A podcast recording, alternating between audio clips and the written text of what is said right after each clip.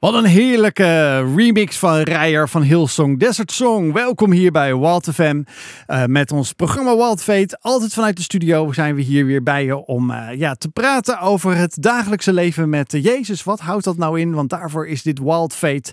En dat mogen we altijd doen met de allerbeste gospel songs en de allerbeste gospel dance eigenlijk, zoals ik altijd zeg.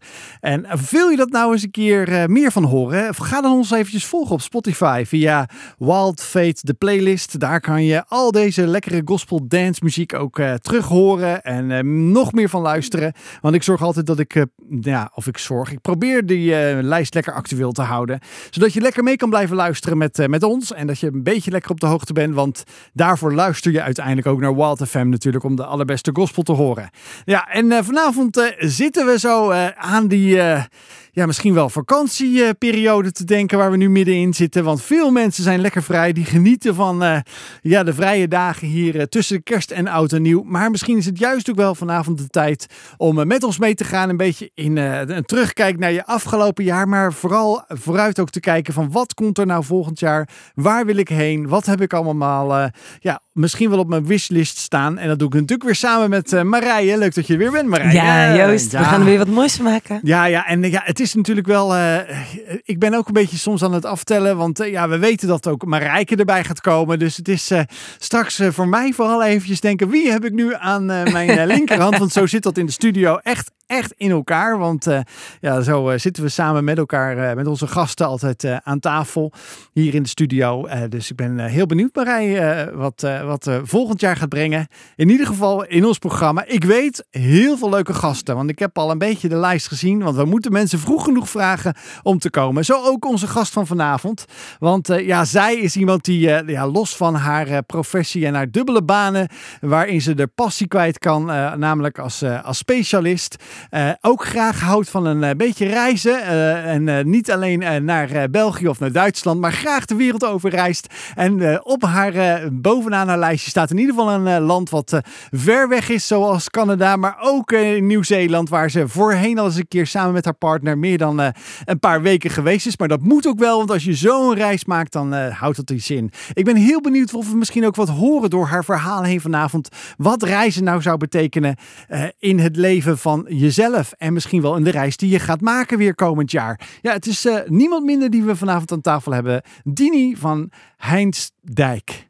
Ja, bijna goed. Hein... Dini Heinsdijk dat is het. Dini, niet van. Nee. Oh ja, oh, nou, gelukkig ben je redactiewerk. Oh, nee, nee, nee, nee, verkeerd. Ja, is dat zo of heb ik die van ertussen gezet, uh, Marije? Van, van, mijn meisjesnaam, denk ik. Oh, oh oké, okay, ja, dat, dat, uh, dat zou kunnen. Want ik heb het volgens mij gecopy-paste, maar ik kijk je niet aan. Ja, als, ja, ja, oh, ja, wat heb je nu is gedaan? redactiewerk verkeerd gegaan, uh, Joost. Dus ja. Dini Heinstein, fijn dat je er bent. Ja, leuk dat je er bent. Ja. Ik ben heel benieuwd heel wat jij gaat vertellen vanavond aan ons. Maar wij beginnen altijd onze avonden natuurlijk met... Wild Fate Geluksmoment. Het geluksmomentje. Zo Ja. aan het eind van het jaar. Marije, ik hou Marije. enorm van dit jaar. Ja. Van dit eh, moment van het jaar. Want ehm, het toffe vind ik altijd is dat ik eh, met mijn journal altijd ergens een momentje pak om te gaan zitten en eens terug te blikken. Wat heeft dit jaar me eigenlijk allemaal gebracht? En dit is wel echt een eh, bijzonder jaar geweest. Hè? Als luisteraar, als je vaker al aangehaakt bent, dan weet je dat dit eh, jaar in de teken stond met de start van een nieuw Boeken, boek. boeken, boeken, boeken, boeken. Boeken, boeken, boeken, boeken, boeken. Ja, dus, eh, dus dat is wel echt, ja, vanaf januari ben ik gaan schrijven aan hoe mogelijk. Dat is van de zomer uitgekomen met de planner en nog een online training erbij. En dat is wel echt, als ik dan terugblik, dan denk ik echt, ja, het is echt hard werken geweest. Het is intens, maar het is ook wel echt intens genieten. Als je dan zo achter, eh, ja, zo eh, ja, achteraf of zo aan het eind van het jaar terug mag blikken. Um, maar wat ik ook altijd heel graag doe, is al vooral vooruitblikken van hey, waar, hoe kijk ik naar het komende jaar? Wat vind ik belangrijk? Uh, wat ga ik ook met mijn bedrijf daarin doen? Zeg maar voor mij als ondernemer, maar ook gewoon privé. Wat vind ik dan echt belangrijk? Dus ja, ik vind het altijd heerlijk. Dus dat zijn de momenten die ik dan. Uh, ja, dat is niet één moment, maar het zou kunnen zijn dat je zegt: ik ga naar mijn favoriete koffietentje om dat te doen. Maar zeker een aanrader om, om daar tijd voor, voor te nemen. En heerlijk is terug te blikken en vooruit te kijken. En jij, Dini, heb je ook iets waarvan je zegt, nou, dat is voor mij echt een geluksmomentje nu? Oeh, nou, op dit moment, ik heb er natuurlijk wel eens over nagedacht. Hè, wat zijn nou de geluksmomentjes in mijn, in mijn leven? En nou, echt nog maar heel kort geleden zijn mijn partner en ik uh, gestart met het uh, wandelen van het Pieterpad. Oh, echt waar? Ja, Wat leuk. dat is ook een mooie reis door. Nederland heen. Ja, we wandelen ontzettend graag. En ehm, we vinden het ook altijd heel erg leuk om hard te lopen. En dan met name op onverharde paden. Maar dat ging de laatste tijd ehm, niet zo goed, het hardlopen. Vanwege eh, langdurige rugklachten die ik heb. En ehm, zo kwamen we eigenlijk uit van, maar wandelen gaat wel heel goed. Dus toen zeiden we van, nou, wat zullen we eens gaan doen? Klompenpaden. Maar toen werd het ook het Pieterpad. En ehm, nou, zo hebben we onlangs weer ehm, de derde en de vierde etappe ondernomen. Ja, voor de En mensen die denken, ik heb er wel eens van leuk. gehoord, maar Het waar ligt dat Pieterbad? Ja, dat loopt van Groningen, van Pieterburen, helemaal naar het zuiden van Nederland, naar Sint-Pietersberg. Kijk. Dus oh, dat dus is, eh, allebei bijna eh, 500 beide kilometer. Pieter, Pieter, ja. Ja. Ah, ja. Hoeveel Hele- kilometer? Bijna 500. Dus dat doen we dus in etappes. Want ja, in één keer gaat dat natuurlijk niet. Dus eh, we hebben twee dagen gewandeld. Bijna 40 kilometer En totaal. ga je met de trein of hoe doe je dat op Ja, dat is wel een hele organisatie om dat eh, te regelen. Want je gaat natuurlijk eerst, hè, we gaan komen natuurlijk, ik kom uit Zeeland, uit Goes. Dus ehm, dan moet ik echt met de auto, ga ik eerst eh, naar Amersfoort en dan overnachten we daar. Dat hebben we nu gedaan en toen zijn we doorgereden naar Zuid-Laren. Daar hebben we onze auto geparkeerd en van Zuid-Laren hebben we een bus genomen naar ehm, Groningen. Want dat Oh, was ja. de start van de etappe. Dus toen zijn we van Groningen naar Zuid-Laren gewandeld. Het was 22 kilometer. Toen hebben we daar geslapen. En toen hebben we de volgende dag hebben we onze eh, auto verkast naar Rolde. Dat is in Drenthe bij de Hunebedden. En toen zijn we weer, wilden we eigenlijk met een bus terug. Maar toen was er een ex-collega van mijn man. Die woonde daar in de buurt. Dus die had mijn man even gecontact. Oh. En die heeft ons toen van dat punt weer naar Zuid-Laren gebracht. En zo zijn we weer van Zuid-Laren naar onze auto gewandeld. En dat was 19 kilometer. Zo, wauw. Dus, en, En toen dus moesten eh, we weer naar 500 Zeeland. gedeeld door ongeveer 20. Dus het zijn heel wat etappes die je gaat lopen dan. Allemaal rond de 20 kilometer, ja. Oh ja. Iets meer soms. ja, Zo. dus dat is Nou, dat is 5 wel keer een heel 5 is eh, eh, 50 leuk Ja, uitje. dus dat is een dagen, heel leuk. kwartier. Dat zijn hele leuke. Ja. als je het hebt over geluksmomenten, maar de- die momenten samen, dan ervaren we ook wel echt het geluk om lekker ehm, in de natuur te zijn en heerlijk even te wandelen en ehm, nou stil te zijn samen en eh, over leuke dingen te praten en heel veel mooie dingen te zien natuurlijk. Ja, dus al eh, zoek je nog een ambitie voor het aankomende jaar. Nou, ga, het Pieterpad lopen. ja.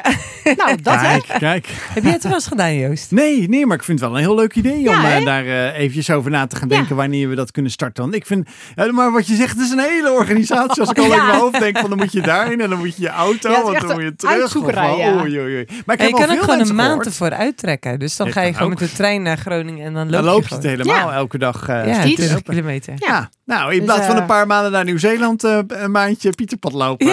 Dat. Daarom. Nou, dat is een perfecte moment voor bezinning. Ja, zeker. toch? Ja, Past de- wel de bij het thema van vandaag, denk ik. En, Ja. en Joost, heb je ook nog iets waarvan je zegt, ja, dat is echt iets... Nou, voor de oplettende luisteraar die al jaren met ons meegaat, want tot zo, zo lang zijn wij alweer bezig samen, Marije. Ja, die weet dat december bij ons altijd de drukste tijd van het jaar is bijna. Met alle verjaardagen die we hebben in eh, een eh, verjaardagsmarathon met eh, de familie die, ja... eh, Bijna elke dag zou ik bijna zeggen tussen kerst en oud en nieuw heb ik een verjaardag. Ja, dat is goed getimed of zo, ik weet het niet. Maar eh, dan hebben we Heb je familie... en kerst eten en taart eten? Ja, maar dat is ook zo dat we echt denken. Soms zitten we, dus mijn laatste verjaardag is met oudejaarsavond. Eh, dus dan is mijn schoonvader jarig en dat we echt zeggen: hebben we elkaar nog wel wat te vertellen? want, Ah, eh, ja. Nee, nee, nee. Maar dan moet je vooral reflectie hebben, want dat is wel het leuke van, eh, van, van, die, eh, van die verjaardagsmomenten. Van ja, eh, we kijken terug en zeker met eh, ja, eh, ik heb een Indische schoonfamilie, dus dat is altijd lekker eten. Dat is gegarandeerd, want er wordt echt, echt tijd genomen om te koken. En eh, niet een uurtje, maar echt uren staan ze in de keuken. Dus dat is altijd lekker eten. Maar goed, dat, is nog, dat moet nog komen, want dat is pas over een paar dagen. Maar voor, voor nu is dit wel een beetje... Ja, het is toch een geluksmoment dat, dat we het hebben, dat ik het kan. Want we hebben natuurlijk vorige week, waar we het ook met, met Esther over hadden... ja, over in deze tijd van het jaar waar je misschien wel heel eenzaam bent. En misschien denk je nog steeds wel van... hé, hey, de- die, die, eh, die aflevering van vorige week... die, eh, die galmt nog steeds in mijn, in mijn gedachten na over... Ja, ik ben eigenlijk ook wel alleen. Maar hoe moet, ik nu, Hmm. eh, hoe moet ik nu met de situatie omgaan? Maar misschien ben jij ook wel iemand die geluisterd heeft naar de oproep om, om te zien naar diegene die alleen is. En dat hoop ik eigenlijk ook. En dat je dat vanavond ook misschien wel weer meekrijgt in die reflectie. eh, kijk die we hebben naar gewoon afgelopen jaar en het komende jaar. En ook wel eh, met de professie die, die Dini heeft over, ja, over rouwverwerking. En rouw is niet zomaar iemand verliezen, want dat komt in zoveel situaties eigenlijk voor. En dat kan misschien ook wel zijn dat je rouwig bent, dat je alleen bent, dat je misschien gescheiden bent, of dat je nooit een partner hebt, of dat je helemaal geen kinderen hebt. Dus kortom, er zijn er genoeg dingen over te, te praten. En misschien wil je juist wel die reflectie, wat jij zei over dat, eh, eh, over dat boek schrijven in de, in de stilte. Nou, daar heb ik nu een eh, prachtig nummer over. Elizabeth Grace met Chasing Quiet hier op Wild FM. Ja, met Wild Fate hier op de woensdagavond. En eh, we zijn eh, vanavond in eh, gesprek met Dini. En ja, of we gaan eigenlijk met je in gesprek. Want we hebben eigenlijk pas de korte introductie gehad eh, zojuist. En ja, wat, wat jij natuurlijk niet ziet als luisteraar thuis. Maar ja, Dini die komt uit Zeeland. En wat komt er uit Zeeland? Natuurlijk allerlei lekkers. En ze konden niet laten om een lekkere Zeeuwse bonus hier voor ons in de studio mee te nemen. Laten we nou zeggen dat wij dat straks even tussen die reclames en het journaal tussendoor doen. Want anders plakken onze, onze, tong aan ons gehemelte. Want ja, dat is natuurlijk lekker zoet. Maar eh, ja, Dini, eh, Zeeland, dan heb je al een aardig eentje moeten rijden naar de studio sowieso. Maar hoe ben je eigenlijk in Zeeland terechtgekomen?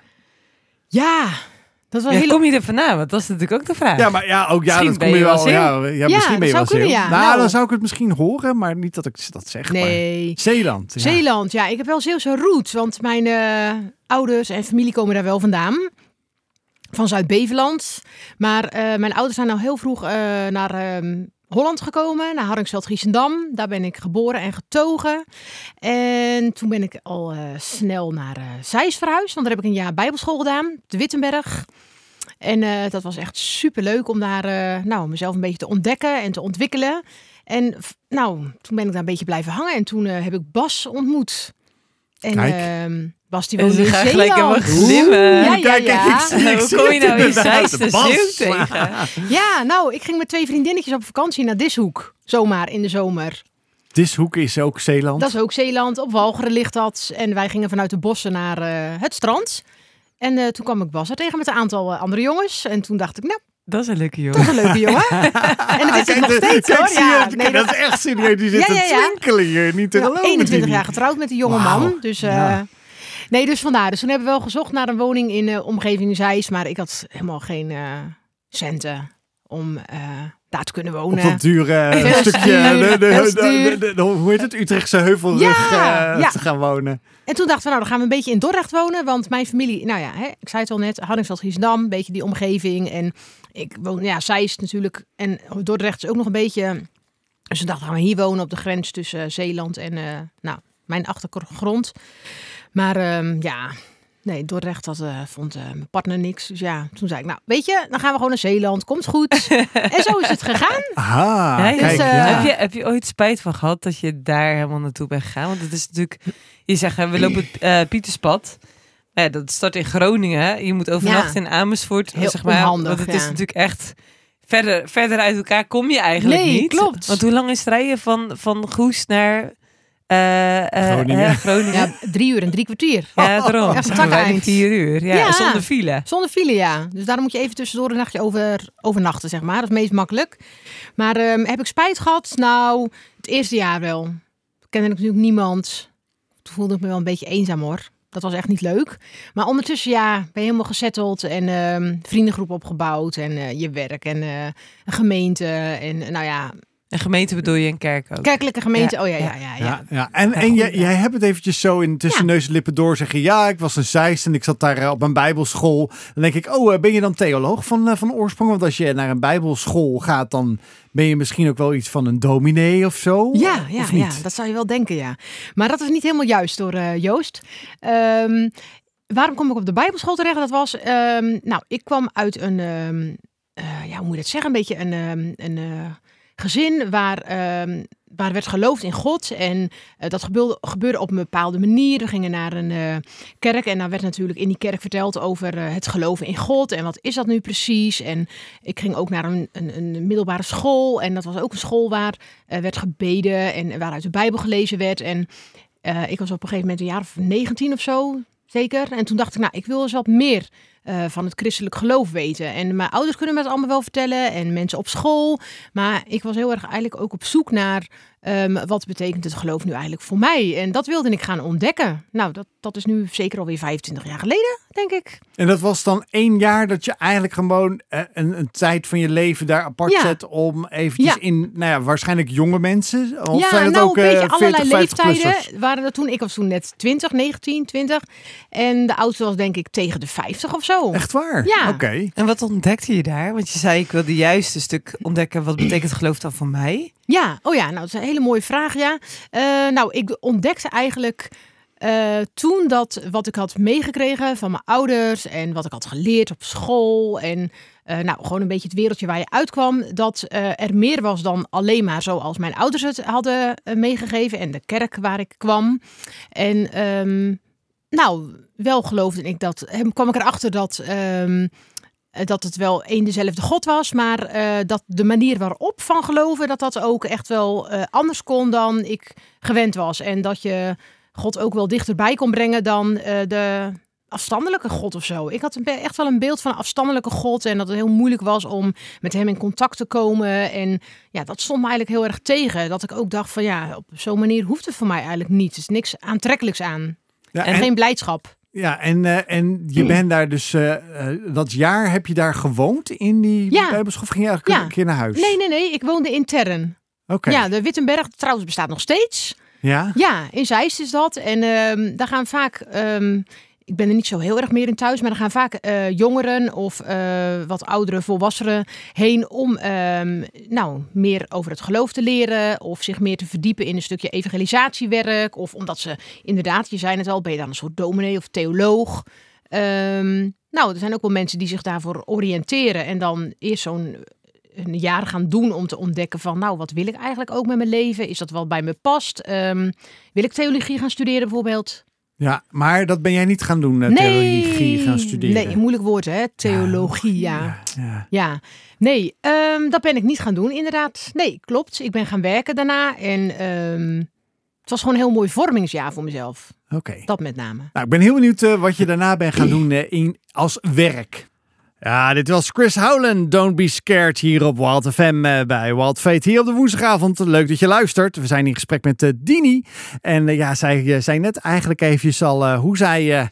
ik zou bijna zeggen de werkcarrière eh, is gestart, maar dat was nog niet zo, want dat was de vraag, de cliffhanger die ik niet hangen. Maar eventjes voor de wrap-up, voor misschien dat je nu pas aanhaakt, dat je speciaal een jaar eh, apart hebt gezet om eigenlijk te ontdekken wie, wie God eigenlijk echt is. Want je, wordt christ, je bent christelijk opgevoed, eh, je krijgt het mee op school wat je zei, er werd gebeden, er werd, je ging naar de kerk, maar je wilde eigenlijk zelf echt als, ja, als, als jongvolwassene ontdekken, ja, maar wie is dan God echt in mijn leven en wat gebeurt er nou ja, echt daadwerkelijk eh, hoe hij mijn leven ook stuurt.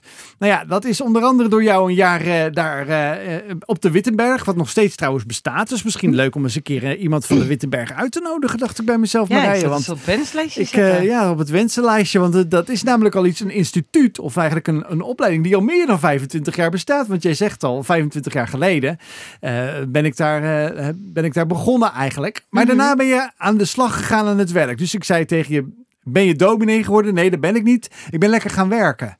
Klopt. En wat Ja. ben je toen gaan doen? Toen Ja. dat je eigenlijk een beetje met de achtergrondgedachte van, nou, dit is wat God doet in mijn leven. Wat ben je toen gaan, gaan doen?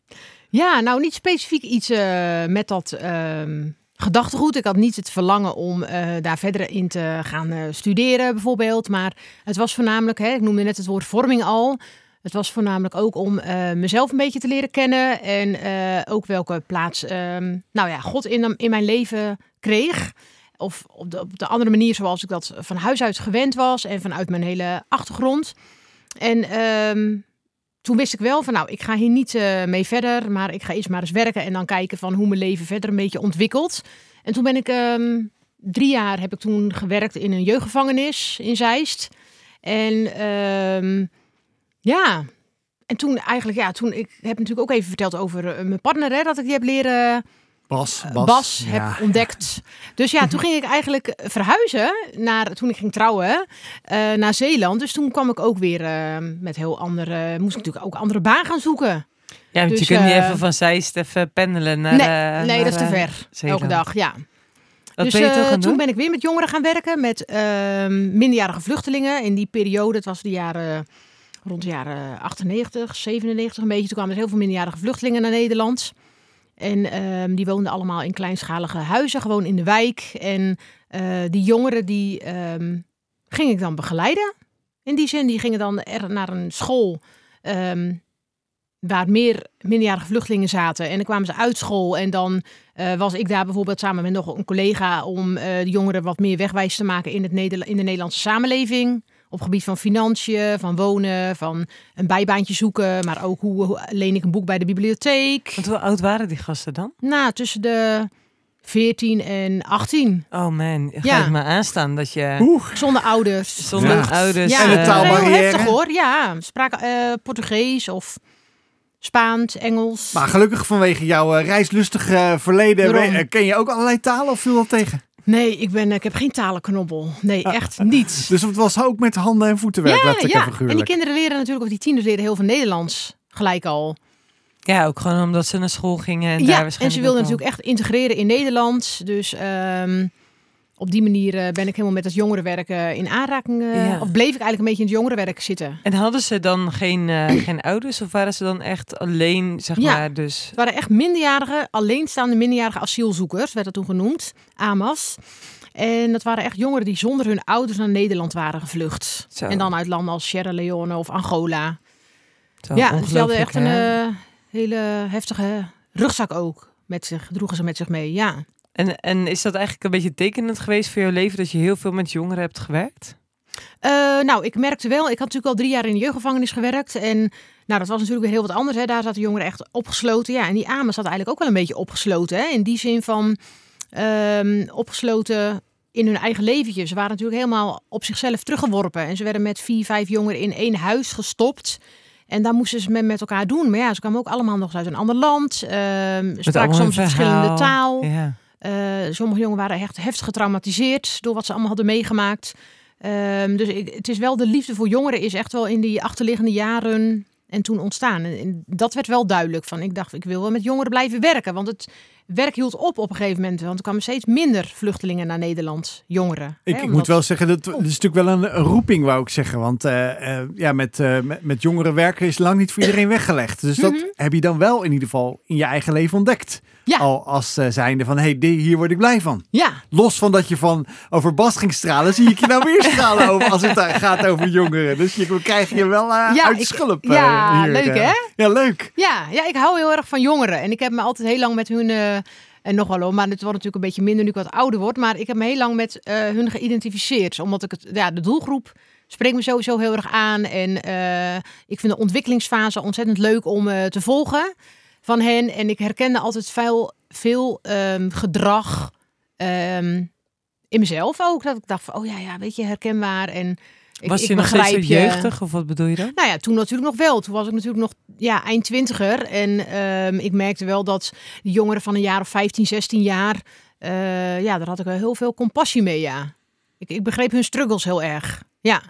En volgens mij eh, heb jij ook wat met die eh, jongere doelgroep Marije.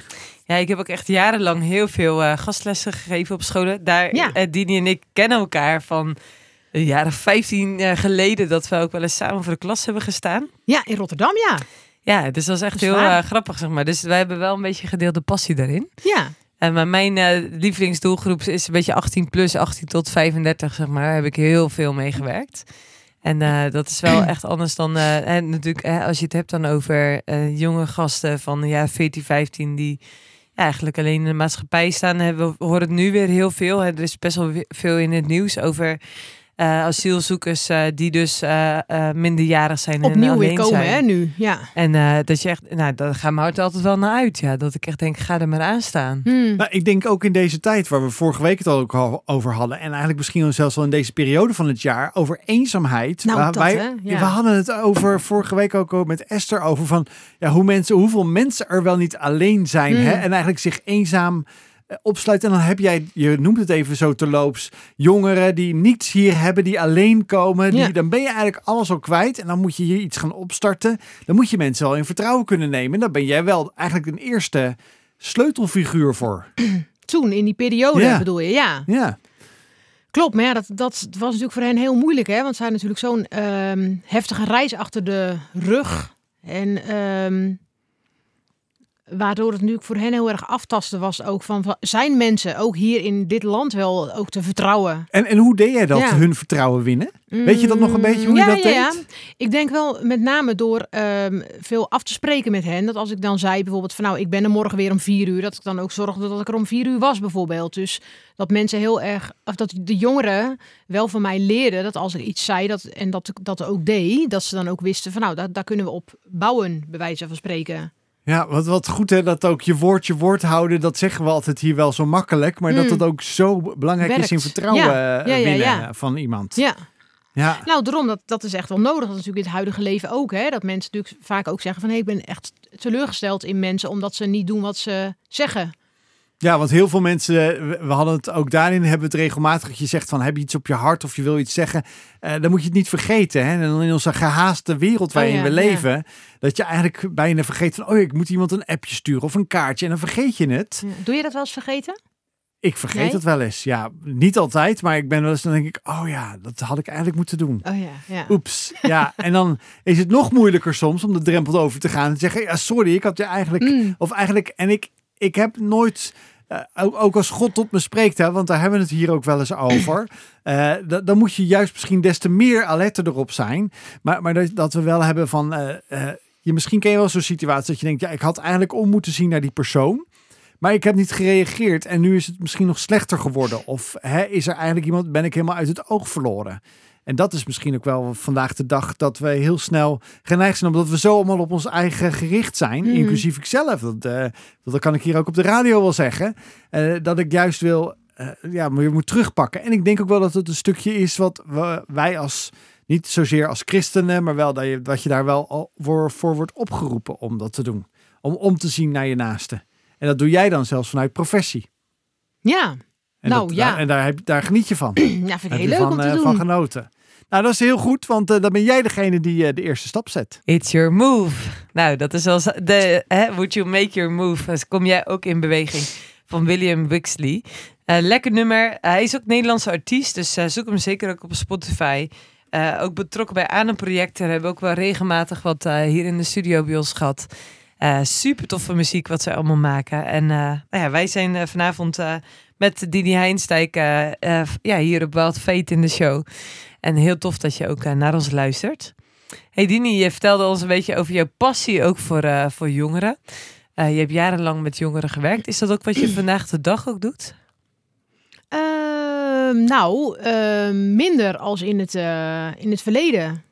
Ja, kun je Ja. eens vertellen wat, wat, waar nu je hart helemaal... Want je ging helemaal stralen wel als je het over jongeren had. Ja, Maar nou- blijkbaar ligt er nog ergens een vuurtje Ja, in jou joh. te branden van passie. Ja, nou ik heb natuurlijk, nadat ik met die minderjarige vluchtelingen werkte, heb ik nog 15 jaar in de jeugdpsychiatrie gewerkt. En ehm, nou, dat was natuurlijk ook een doelgroep van jongeren van 12 tot 18 jaar.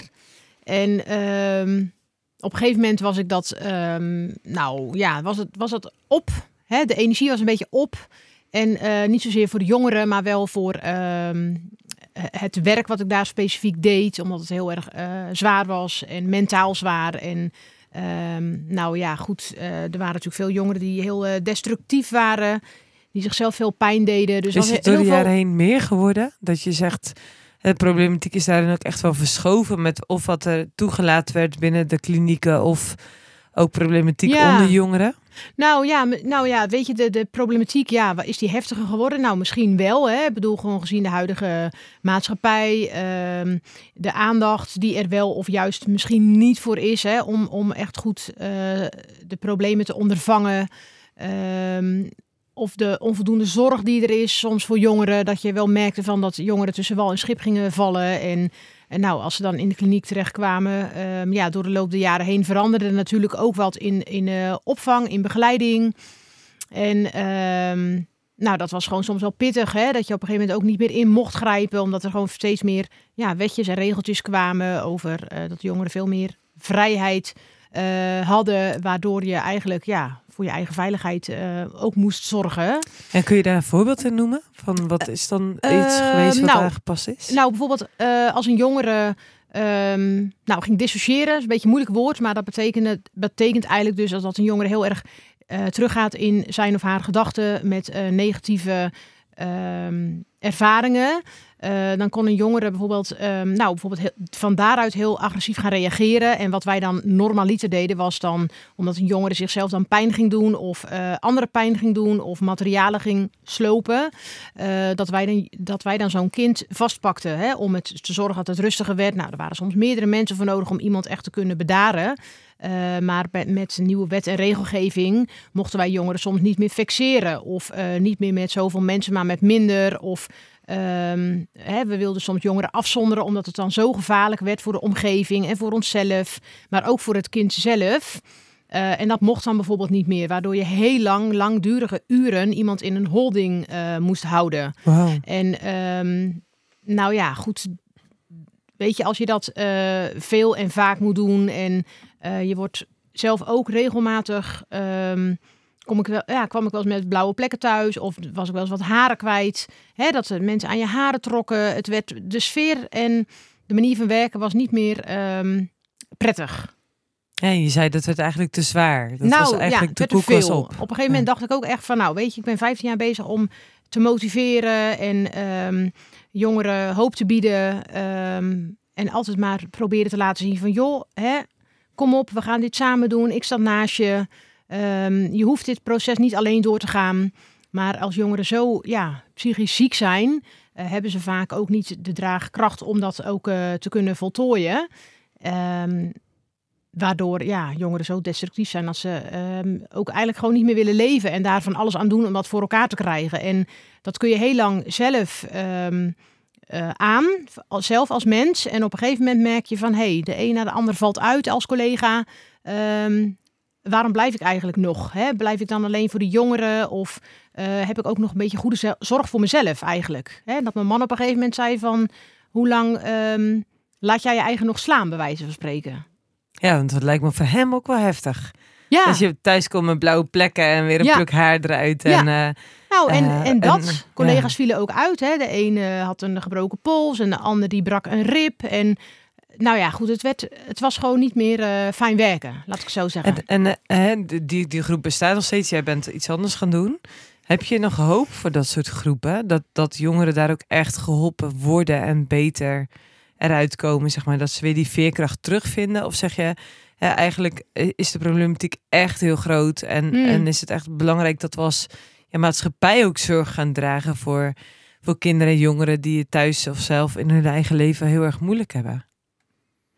Ehm, nou ja, weet je, de, wat ik net zei, de, de maatschappij verandert natuurlijk heel sterk. En ik heb zeker hoop eh, voor jongeren, en zeker voor het, voor het individu.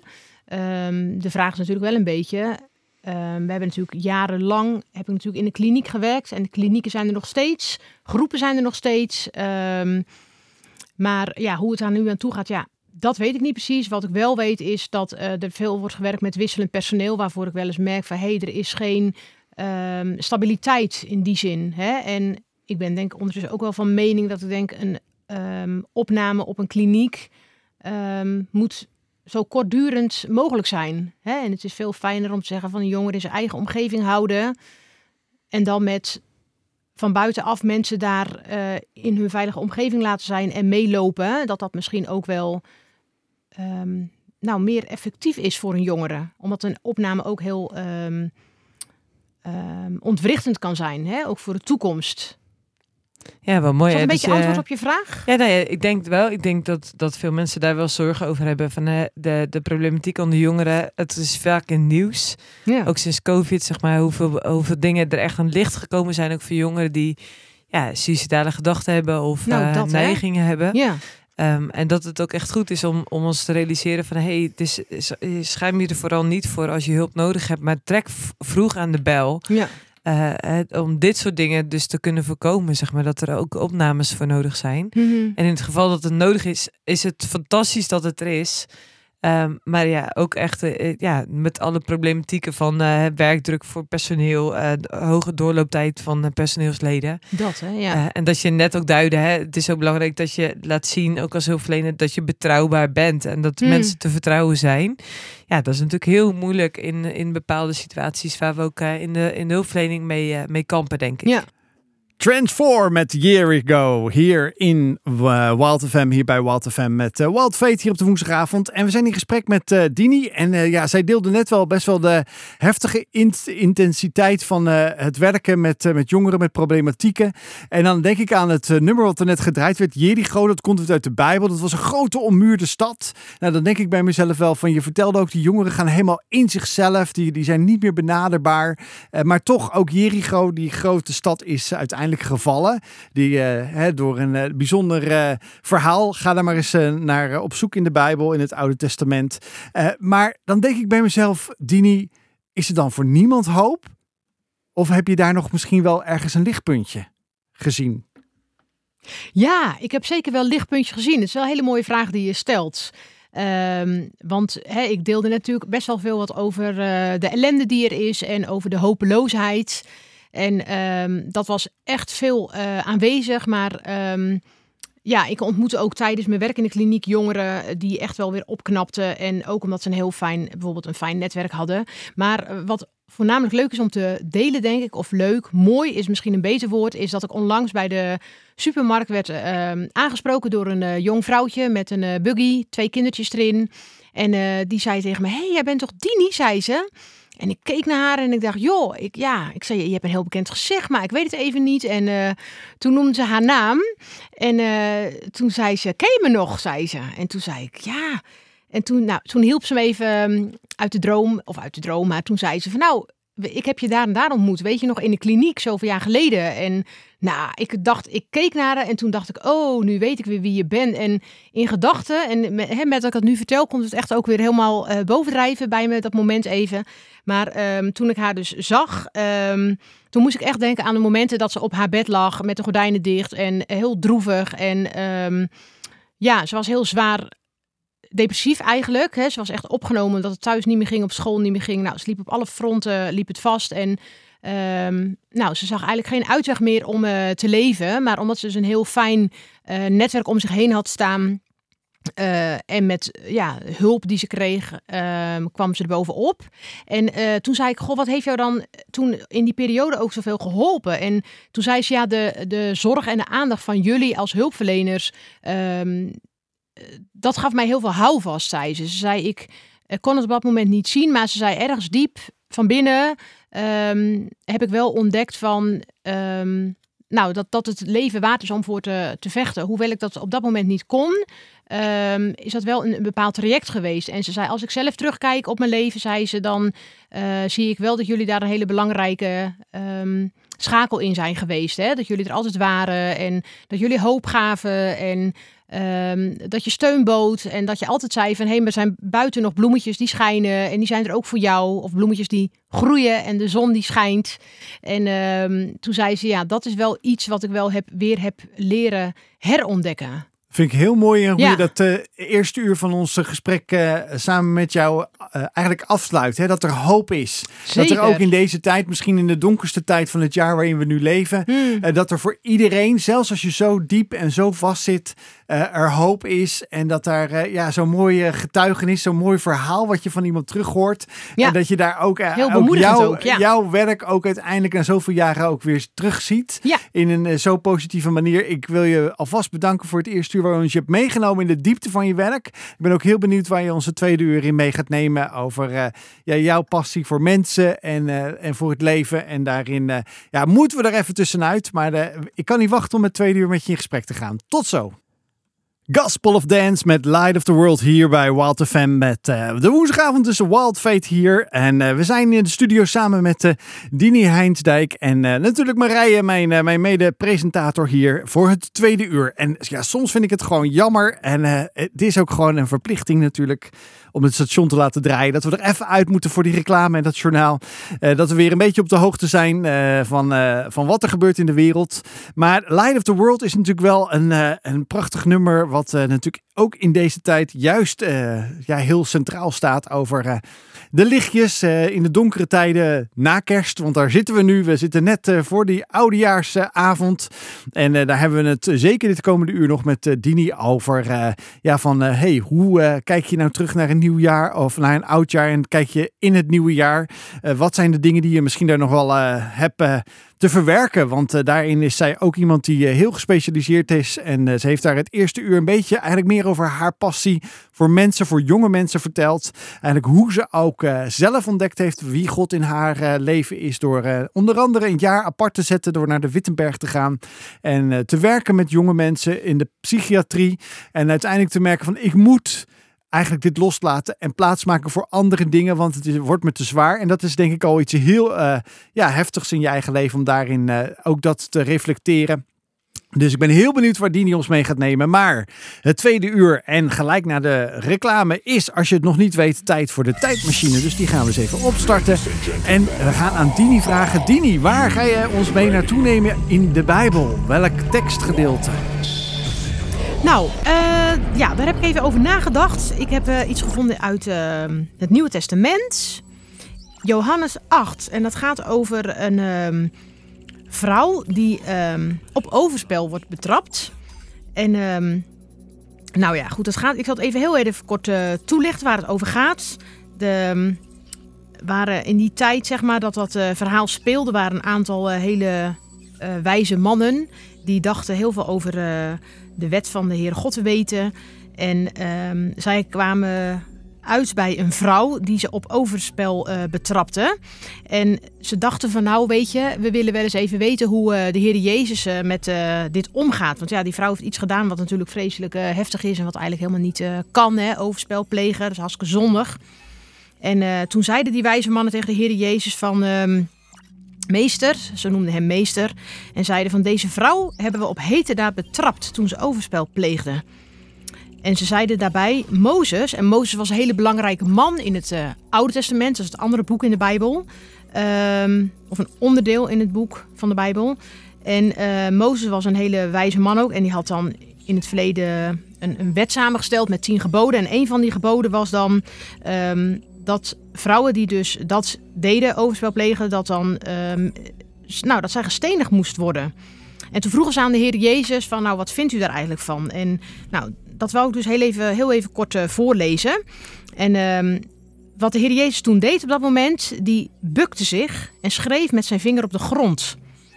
En ehm, die mannen die vroegen nogmaals van, nou, goh Heer, wat, wat doet u er nou mee? Wat, wat moeten we nou met deze vrouw? Hè? En hij zei helemaal niks en toen ehm, bleef ze eigenlijk daarop aandringen dat hij antwoord zou geven. En toen eh, stond de Heer Jezus eigenlijk weer op. Hè? Hij had zich gebukt naar de grond en had hij wat in het zand geschreven. En toen zei hij tegen die mannen: Nou, wie van jullie zonder zonde is, laat die, laat die als eerste een steen naar zichzelf werpen. Nou, en toen gingen ze dus weg, één voor één. En ze lieten hem alleen, met de vrouw in het midden. Nou, en wat ik dan met name heel erg ehm, belangrijk vond om te delen, is dat de Heer Jezus toen tegen die vrouw zei: hey, waar zijn al deze wijze mannen? Hebben ze u niet veroordeeld? En toen zei ze: Nee, niemand, Heer. En nou, daar komt dan eigenlijk de tekst: Ik veroordeel u ook niet, zei Jezus. Ga naar huis en zondig vanaf nu niet meer. Welkom terug bij Wild Fate hier eh, op Wild FM. Dit was Roberto Rosso, een van onze huis-DJ's, zou ik haast wel kunnen zeggen. Eh, I Thank God. Een heerlijk nummer weer, waar eh, ja, de tweede uur ook heerlijk met ons mee aftrapt. Uh, Dini nam ons mee naar, naar die, het Bijbelboek Johannes. Johannes is een van de ooggetuigenverslagen van het leven van Jezus hier op aarde. Eh, dus als je zegt van hey, ik wil beginnen eh, met ja, in de Bijbel lezen of ik ben eens benieuwd, wat staat er eigenlijk in? Dan adviseren we eigenlijk altijd om eh, ja, te beginnen in het hoofdstuk Johannes. Eh, ja, dus het Bijbelboek Johannes. En dat is een van de 66 Bijbelboeken in de Bijbel. Dus het is een heel rijk boek, heel veel verhalen staan erin.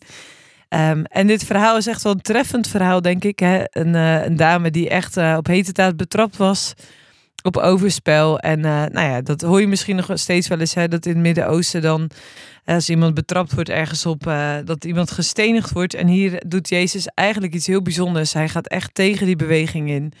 En hij zegt, eh, degene die zonder zonde is, laat die dan de eerste steen werpen.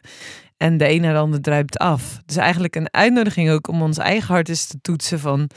Ja, we hebben zo snel ons oordeel klaar. Er zijn best wel thema's voorbij gekomen waar, waarin onze maatschappij best wel wat meningen en stigma's over zijn. En eigenlijk nodig je ons uit, het durf je ook eens naar je eigen hart te kijken voordat je oordeelt. Ehm, maar waarom eh, kies je dit verhaal uit? Waarom Ja. spreekt het jou zo aan, Dini? Ja, nou, ik heb het sowieso altijd een heel. Hè, je zei het net al.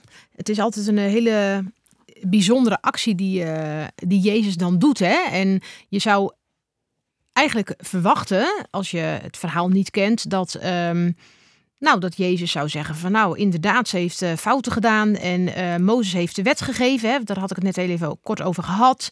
Dus die vrouw moet gestenigd worden. Maar hij deed echt het tegenovergestelde. En dat heeft me altijd heel erg aangesproken. Omdat ehm, ik heb volgens mij in het uur hiervoor heb ik iets verteld over. ehm, ehm, nou, waarom ik had gekozen voor de, voor de Wittenberg en over mijn achtergrond. En dat, ik ook wel noemde toen van dat ik ehm, eh, het contact met God, of dat, dat, hè, dat God eigenlijk een beetje ver afstond. Dat ik het altijd lastig vond om eh, dicht bij hem te komen. Of dat ik dacht van nou, God is iemand die ver weg staat.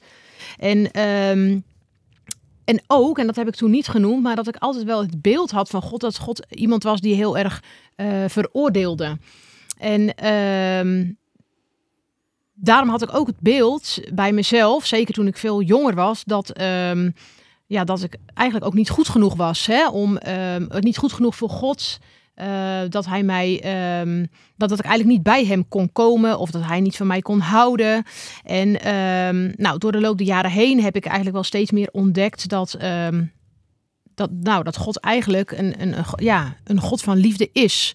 En nou, dat heeft hij natuurlijk ook laten zien, hè, doordat hij, ehm, nou, wat, wat ik dan echt ook geloof, is dat hij ehm, zijn zoon naar de wereld heeft gestuurd. Ja, wat we Om- dus ook met de afgelopen dagen met kerst... Met kerst, ja. Hè? En, dat, en dat, dat hij echt is gekomen om ehm, door de Heer Jezus heen. om de liefde van, van hem te- aan ons te laten zien. Hè? Dat, dat, dat, dat dat echt de boodschap is van waarom de Heer Jezus naar de wereld is gekomen. Dat hij daarmee laat zien van ik hou zoveel van mijn eigen kind en die, die geef ik aan jullie. Nou, en, ehm, en wat ik daarmee dus eigenlijk ook wil zeggen is van dat eh, hoe de Heer Jezus hier in dit verhaal ehm, laat hij ontzettend veel liefde zien aan die vrouw. Hij zegt heel duidelijk tegen haar van eh, ik veroordeel je niet. Hij zegt er ook bij zondig vanaf nu niet meer. Hè? Hij geeft haar ook wel heel duidelijk een opdracht van datgene. ehm, en zo haal, dat haal ik eruit. Hè? Ik ben geen Bijbeluitlegger, maar dat is wel wat ik eruit haal. Dat hij ehm, tegen haar, maar eigenlijk ook tegen mij en tegen ons mensen zegt van... ehm, ik veroordeel je niet. Ik vraag wel aan je of je wel dit wil laten. Omdat dat eh, zo ontwrichtend is eh, in je leven. Hè? Je verwoest er eh, andere levens mee. Je doet er andere mensen pijn mee. En dan heb ik het niet zozeer alleen over het stukje... eh, of mensen overspel doen, maar het gaat ook Ja, vreemd gaan voor over, mensen die ja, denken, oh, ja, overspel, ja, wat is dat overspel? Ja, heel goed Ja, dat je, vreemd gaan, zeg maar. Ja, de, dat je hè, met de- een ander eh, gaat hè, dan je eigen partner bijvoorbeeld. Ja, ja Maar- ik denk dat jij natuurlijk in de jeugdhulpverlening ook heel veel jongeren hebt gezien die dus uit intense gezinnen komen, waar dus eh, over vertrouwen gesproken of over dat je ook hebt gezien aan de lijve in de levens Mhm. van die jongeren, wat, Mhm. wat voor ontwrichting dat het geeft als ouders er samen eigenlijk een potje van maken en, en op wat voor manier dan ook hun relatie invulling hebben gegeven. Nou ja, dat en dat, is eigenlijk ook wat ik momenteel in mijn huidige werk ook heel veel zie. Hè. Ik, ik, ik heb misschien wel in het begin even, ik weet het niet meer helemaal scherp, maar erover gehad van ik heb eh, momenteel ook een, ehm, een eh, eigen praktijk voor eh, rouw- en verliesbegeleiding. En wat ik daar met name ook veel in tref is dat ik mensen tegenkom die ehm, verlieservaringen hebben omdat hun partner bijvoorbeeld ehm, er niet meer is. En niet zozeer omdat hij Hè, het kan natuurlijk zijn inderdaad omdat hun partner overleden is. Maar wat, waar ik met name ook in verband met dit verhaal op doel... is ehm, dat mensen hun partner zijn kwijtgeraakt aan een ander. En daarmee bedoel ik van dat ze... dat Ja, hun partner dat- is, nou ja, inderdaad, ja. dat die is vreemd gegaan. En dat ze daarmee dus echt een groot verlies hebben. Omdat zij niet eh, daarvoor hebben gekozen. En ja, da- nou ja, daar heel intens onder lijden eigenlijk. En dat is natuurlijk wel heftig. Want als je partner overlijdt, heb je alle recht om te rouwen. Mhm. Als je partner jou verlaat omdat hij zegt: Ik wil iemand anders, je brengt me te weinig geluk. Of wat de reden dan ook zou zijn.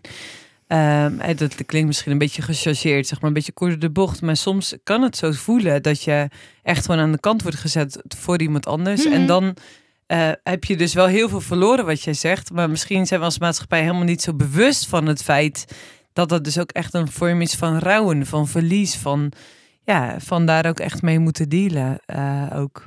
Love You More van CD hier bij Walt FM. Ja, we zijn in gesprek met eh, Dini. En eh, ja, zij zei net eigenlijk eventjes voor de, voor de muziek al van...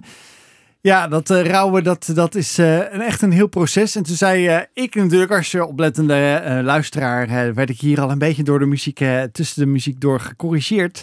Dat ik zei, ja, dat, dat is natuurlijk rouwverwerking. En toen zei je, nou, daar ga ik later nog een keer op terugkomen, zei je, Dini. Ja, Want de rouwverwerking is toch wat anders dan rouwen. Maar, maar kan je me dat, kan je mij, kan je dat luisteraar dan eens du- duiden? Want we hebben het vaak over rouwverwerken. En dan eh, heb je zoveel verschillende mensen, manieren denken. Maar rouwen of rouwverwerking, Ja. wat, wat is de verschil? Ehm, nou, weet je, dat is heel, eh, een goede vraag eigenlijk die je stelt. Want ehm, ik heb ook altijd heel lang geleden eh, gedacht en gehoord van... oh ja, weet je, je moet je rouw verwerken. Bijvoorbeeld als je een partner verloren bent of een kind of nou, wat dan ook. Hè, op het moment dat je te maken hebt met rouw, dan ga je verwerken. Ehm, maar als je daar goed over nadenkt, over wat het woord verwerken betekent... Kun je dat uitleggen, eh, Joost? Wat verwerken voor jou betekent? Dan ga je dat aan mij vragen. Ja. Ja, ja, ik denk, eh, ja, verwerken. Dan ga ik iets eh, maken en dat, eh, dat eh, ga ik opeten bijvoorbeeld. Hè? Ja, dan verwerk je Oh. voedsel verwerken in een gerecht. Ja, en maar hoe, voedsel wat denk jij als je, waar denk jij bij na Marije als je het woord verwerken hoort? Oh, Ik moest denken aan afvalverwerking. Ja, nou ja, of Oh. verwerken. Ja, je bent, je bent in ieder geval bezig met werken. Hè? Dus Ja, je werken, bent aan de slag. goed. Je Ja, gaat ja, ermee ja. aan de slag. Ja. En je gaat iets ja, afmaken. Of hè, Ja. dat ga je... eh, Ja, dat is wel een beetje de gedachte, dat, er, Ja. dat er dus een einde aan zit. Klopt. Nou, ik denk dat dat heel mooi is. Ik hoor, daar hoor ik wel twee dingen zeggen. Hè? Jij, Oh, gelukkig hè, dat we Ja. de deskundigen tevreden hebben gesteld vandaag. er zit een einde aan en ik hoor het woord werken. Ja, Hè? Dat zei jij, Joost.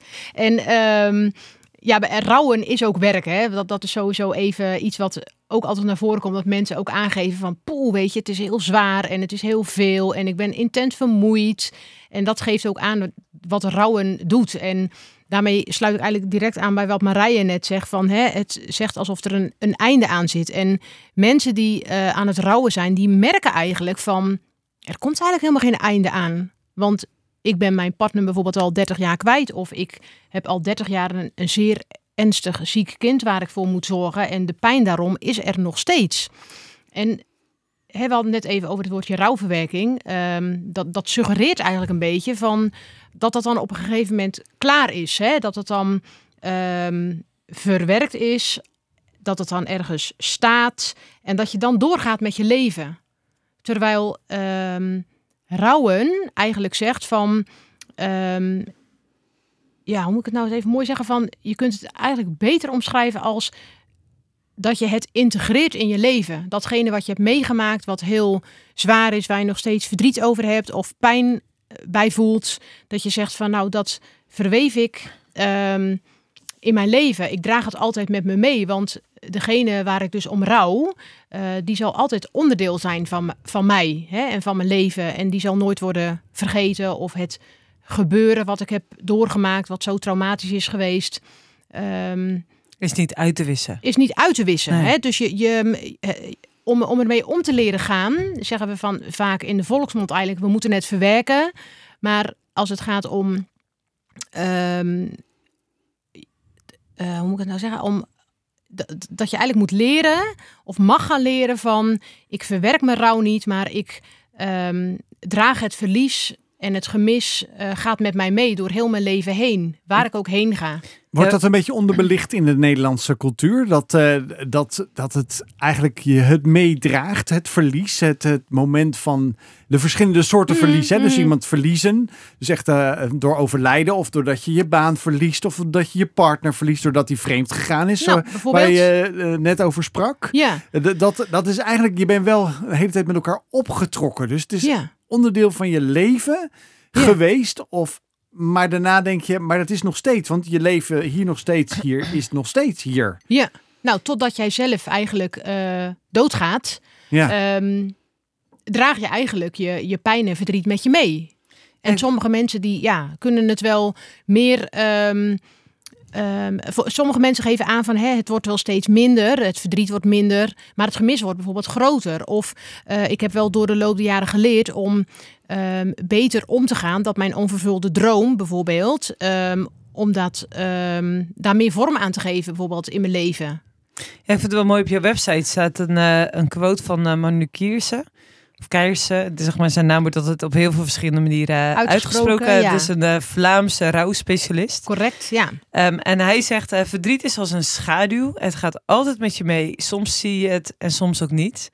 En ik denk dat dat heel Dat mooi dit omschrijft wat je Vertolkt, uit ja. probeert te leggen. Van, Ja. het, het is er eigenlijk altijd. En tegelijkertijd ben je er niet altijd zo van bewust van. Maar soms, juist op bepaalde momenten, kan het je overvallen. Of komt het En juist zweert heel het weer of zo, hè, bijvoorbeeld. Of gaat de wond weer open omdat je opeens weer bijvoorbeeld wat ruikt. Of je ziet iets, je hoort iets. En dat kan opeens die, die pijnlijke wond weer openmaken. En dat kan soms echt na ehm, zoveel jaar zijn. Ik zal heel even kort een voorbeeld geven. Ehm, mijn vader die overleed toen ik een jaar of 22 was. En nou, dat vond ik verschrikkelijk. En ehm, daar heb ik vooral het eerste jaar of eerste twee jaar heel erg mee eh, geworsteld om daarmee om te gaan. En omdat ik, ja, ik kon heel die man helemaal niet missen. Ik had een hele fijne band met hem. En ehm, nou, nu ben ik natuurlijk, ja, is het al bijna weer 25 jaar geleden. Dat is echt een ontzettend eind. Ehm, of 20 jaar geleden, moet ik zeggen.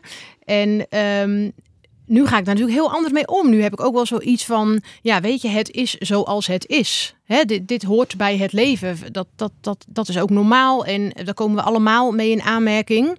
Maar op sommige momenten dan zie ik opeens bijvoorbeeld weer eens even een foto. Of ik heb het bijvoorbeeld met mijn moeder eens even over, met mijn broertje. En ehm, dan kan het zomaar opeens zijn dat ik daar heel erg door word geraakt. Dat ik echt merk van, weet je wel. En dan voel ik echt weer die, die soort van die pijn van, en dan met name om het gemis. Hè. Het is niet meer dat ik er dan verdrietig om ben, maar meer wel dat je dan wel weer voelt van, ah, weet je wel, was hij er nog maar? Of dan had hij dit ook nog mee kunnen maken. Of had hij me daarin, hij, was altijd zo'n zo'n stuurman in die zin dat hij zei van, nou, kom op, ga door. En dus in die zin kan af en toe wel even nog weer, kan je weer eens even echt die pijn voelen in je leven. En dat is ook normaal, dat is ook gezond. Zeker ook hè, na zo'n hele lange periode.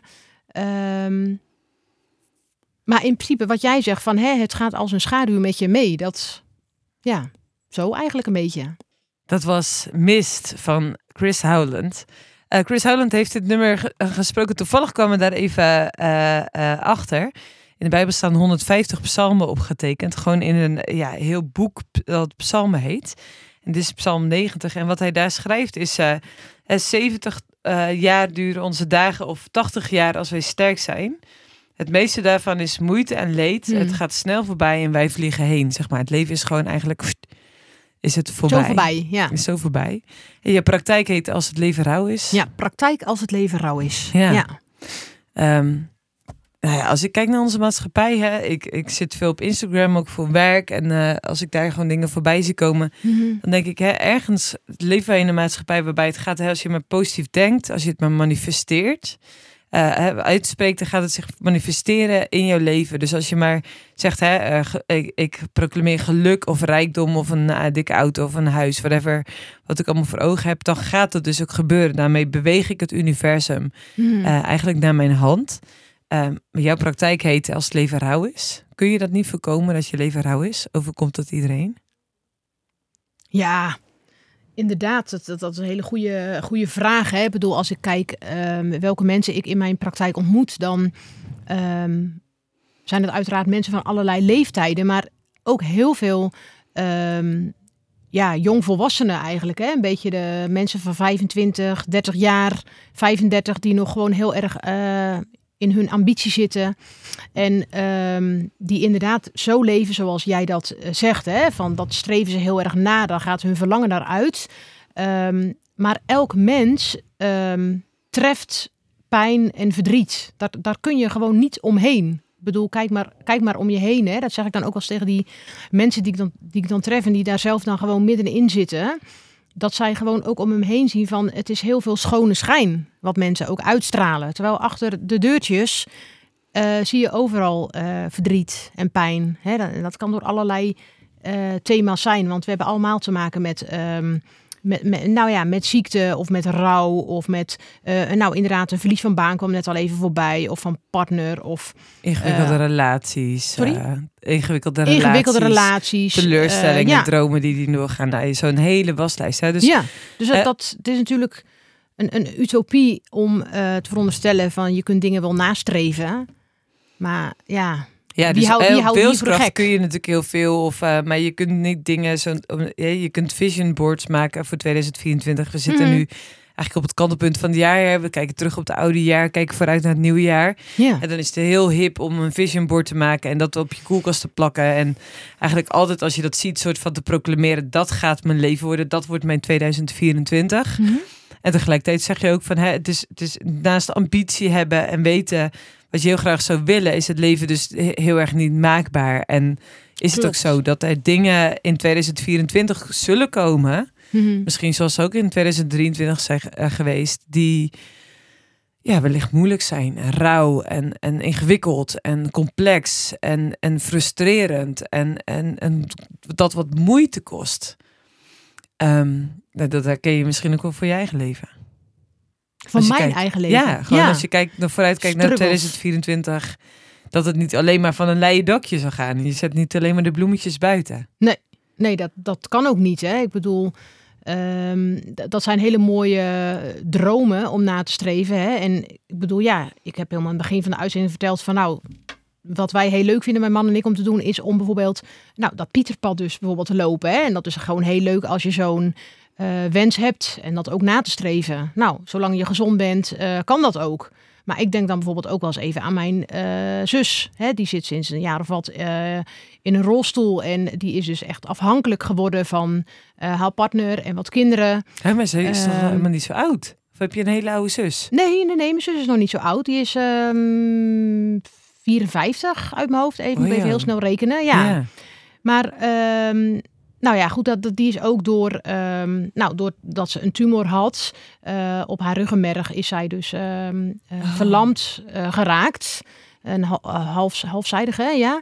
Ehm, maar goed, dus dat geeft wel aan van dat ik wel eens denk, als ik daar dan aan het worstelen ben door dat bos, zeg maar, hè, dat ik denk, ah, ik heb een blaar of noem maar wat, even iets heel simpels. Maar dan denk ik, ja, weet je, ik kan dit nog. Hè? En de andere kant hè, is dat je dus ook zomaar iets kan treffen. Ehm, dat je zegt van nou, ik wil nog van alles, ik wil mijn huis nog verbouwen. Maar ja, ik zit nu in een rolstoel, dus gaat niet meer. Hè? Dat is niet handig. We moeten op een andere manier gaan verbouwen. Niet op de manier zoals we hadden gedacht. Ja. Hey, en, en, En- is voor jou dan geloof, eh, God, God dichtbij ervaren, waar, waar we het Mhm. eigenlijk in het gesprek al een paar keer over gehad hebben, is dat ook heel erg bepalend voor jou? Dus als je eh vooruit kijkt, ook in het nieuwe jaar of teruguitblikt, eh, dat, dat jouw relatie met God daarin ook heel erg belangrijk is? Ehm, dat, is, ja, dat is zeker heel erg eh, eh, wel belangrijk. En met name ook even om... ehm, nou, als ik even gewoon heel simpelweg naar mijn eigen leven kijk. Hè, met eh, Bas en ik zijn t- samen. En al heel lang samen. Ook heel gelukkig samen. Terwijl we ook wel echt wel te maken hebben met een, een, een pijn in ons leven. Hè. Wij hebben geen ehm, eh, kindjes gekregen. Nou, dat was wel echt wel iets waar we op hebben gehoopt. En je zegt het heel mooi. Je hebt een soort... ehm, eh, bord waarvan je zegt van nou oké, wat willen we dit jaar, wat willen we volgend jaar? Nou, hè, wij hadden op een gegeven moment dat we zeiden van nou, we, we willen heel graag een kind. Dus daar gaan we ons hard voor maken. En dat kun je dan een paar jaar proberen. En ehm, als het dan uiteindelijk niet komt, is dat ook inderdaad natuurlijk heel erg rauw. En je vraagt je ook daarnaast heel erg af van, maar wat heeft de Heer dan? Hè? Wat heeft God dan eh, daarmee van doen? En waarom ziet hij daarin niet naar mee om? Of waarom geeft hij me niet wat ik, eh, wat ik zo heel graag wil en verlang? Ja, en ik ben er ook zelf echt wel achter gekomen dat ehm, God heel veel goeds geeft, maar dat het geen, ja, ik zeg misschien een beetje, ja, wij zeggen dan wel eens oneerbiedig, maar ehm, het is geen Sinterklaas, hè? Dat je zegt van nou, ik vraag dit en ik krijg dat. Was het maar zo mooi, hè? Want er zou er denk ik geen ziekte en geen pijn en geen lijden zijn. Ik heb echt wel ontdekt van dat we heel veel eh, verlangens en wensen kunnen hebben, ehm, maar dat hij dat niet altijd inwilligt. En dat hij daarnaast wel troostend is. En dat hij wel ehm, je opvangt op het moment dat je denkt van, nou ja, ik trek het even niet meer. Of het is gewoon echt zwart. Of wat is het leven eigenlijk ehm, stom. En ik ben eigenlijk gewoon heel erg boos en ik begrijp het niet. En ik ben het er gewoon totaal niet mee eens. Want waarom jij wel en ik niet? Snap je zulke soort vragen? Hè, ik merk nu ook aan dat, dat, dat als ik nu erover praat, dat, dat me dat gewoon echt weer raakt. Hè? Dat, dat ik echt merk van poeh. Ehm, maar ik weet wel dat zijn vaderlijke ehm, zorg, zijn vaderlijke liefde en troost, dat hij dat wel geeft. Ja, wat En dat doet ook. hij ook, weet je wel. Dat ik ook Ja. merk van, weet je, hij geeft ook rust, hij geeft ook vrede. En als ik daarom bid, dan weet ik ook dat hij luistert en ehm, dat hij er voor me is. En dat hij er voor mij een bas is natuurlijk. Maar dat hij ook daardoor ook wel andere dingen geeft waar ik heel blij om ben. En waar ik ook van mag genieten. Zo eigenlijk een beetje. First Love van eh Hillsongs, Young and Free hier bij Wild FM. En eh, ja, we zijn hier ook echt om eh, de rauwheid van het leven eh, te laten ervaren en te laten voelen misschien ook wel. Zoals je net ook eigenlijk hoorde in de, de emotie van, van Dini hier eh, in de studio. En misschien raakt het jezelf ook wel als je eigenlijk goed in je eigen hart kijkt. En dat je misschien het heel erg oppoetst en aan de buitenwereld maar laat zien. Ja jongens, het gaat allemaal zo goed en, we, en, het, en er, er is niks aan de hand. Maar ondertussen in, in, in je eigen hart wordt het hoe langer hoe zwarter eigenlijk. Of misschien wel doorder, omdat je uitgedroogd bent. Omdat je juist die eerste liefde nodig hebt. Godsliefde. En daar willen we graag van delen, willen we graag van getuigen. En ja, ik wil je echt eh, ja, danken dat je hier ook dit op tafel legt, Dini. Dat het ook zelfs voor de oneerbiedig gezegd professional zoals jij bent, eh, ja, zo raakt en zo diep bij, ook bij je eigen hart komt. En ik ja, kan alleen maar zeggen van dankjewel dat je hier ook dat aan ons deelt en aan de luisteraar thuis. En misschien zit jij ook wel met een traan in je oog, zoals wij allemaal hier aan tafel bijna zitten. Want eh, ja, dat is ook de rauwheid van het leven. En misschien heb jij ook nu juist wel voor de luisteraar terugblikkend op het ja, oude jaar. eh, en het reflectie naar een, de reflectie van het oude jaar, maar de kijk naar het nieuwe jaar. Ook wel iets waarvan jij zegt van, hey, heb je hier al eens over nagedacht? Of neem dit eens mee voor het nieuwe jaar. Wat wil jij meegeven aan die luisteraar thuis, die nu luistert of die naar de podcast terugluistert? Ja, nou, dat is ehm, inderdaad wel iets ehm, om bij stil te staan, ja. Omdat hè, ik vertelde natuurlijk net iets even over eh, mijn eigen pijn en eh, het gemis wat er is. En eh, dat heeft er ook mee te maken dat ik, ehm, nou ja, dat ik, me, dat ik ook wel merk dat ik soms eh, makkelijk aansluit bij ehm, de verhalen die mensen mij vertellen. Omdat ze ook te maken hebben met hun eigen pijn en verdriet. En ehm, ja, ik geef mensen heel graag ehm, hoop mee. En waarom? Omdat ik het heel erg belangrijk vind om jezelf uit te strekken. En daarmee bedoel ik eigenlijk van, hè, probeer niet te veel in je eigen eh, wereldje te zitten, maar probeer ook, nou ja, commitment met jezelf te hebben. En ehm, soms ook te, te leren aanvaarden dat eh, pijn en verdriet bij het leven hoort. En ehm, als je dat wat meer weet te omarmen, dan ehm, kun je ook meer oog krijgen voor je omgeving. Hè? Dan zit je niet zozeer met jezelf eh, opgesloten bijvoorbeeld, maar dan kun je ook zeggen van hé, hey, er is meer dan alleen eh, mijn eigen pijn, mijn eigen verdriet. En nou, het, nou, het is natuurlijk een christelijke radiozender en eh, wat ik dan zelf heel erg ehm, altijd fijn vind en wat ik dus ook meegeef soms aan mensen, is dat, ehm, omdat ik dat zelf ook heb ontdekt, is dat doordat ik ga bidden met de Heere God in de hemel, dat ik ook weet dat Hij eh, altijd hoort. En dat kan soms een beetje eh, lastig en vreemd zijn, zeker als je dat niet gewend bent.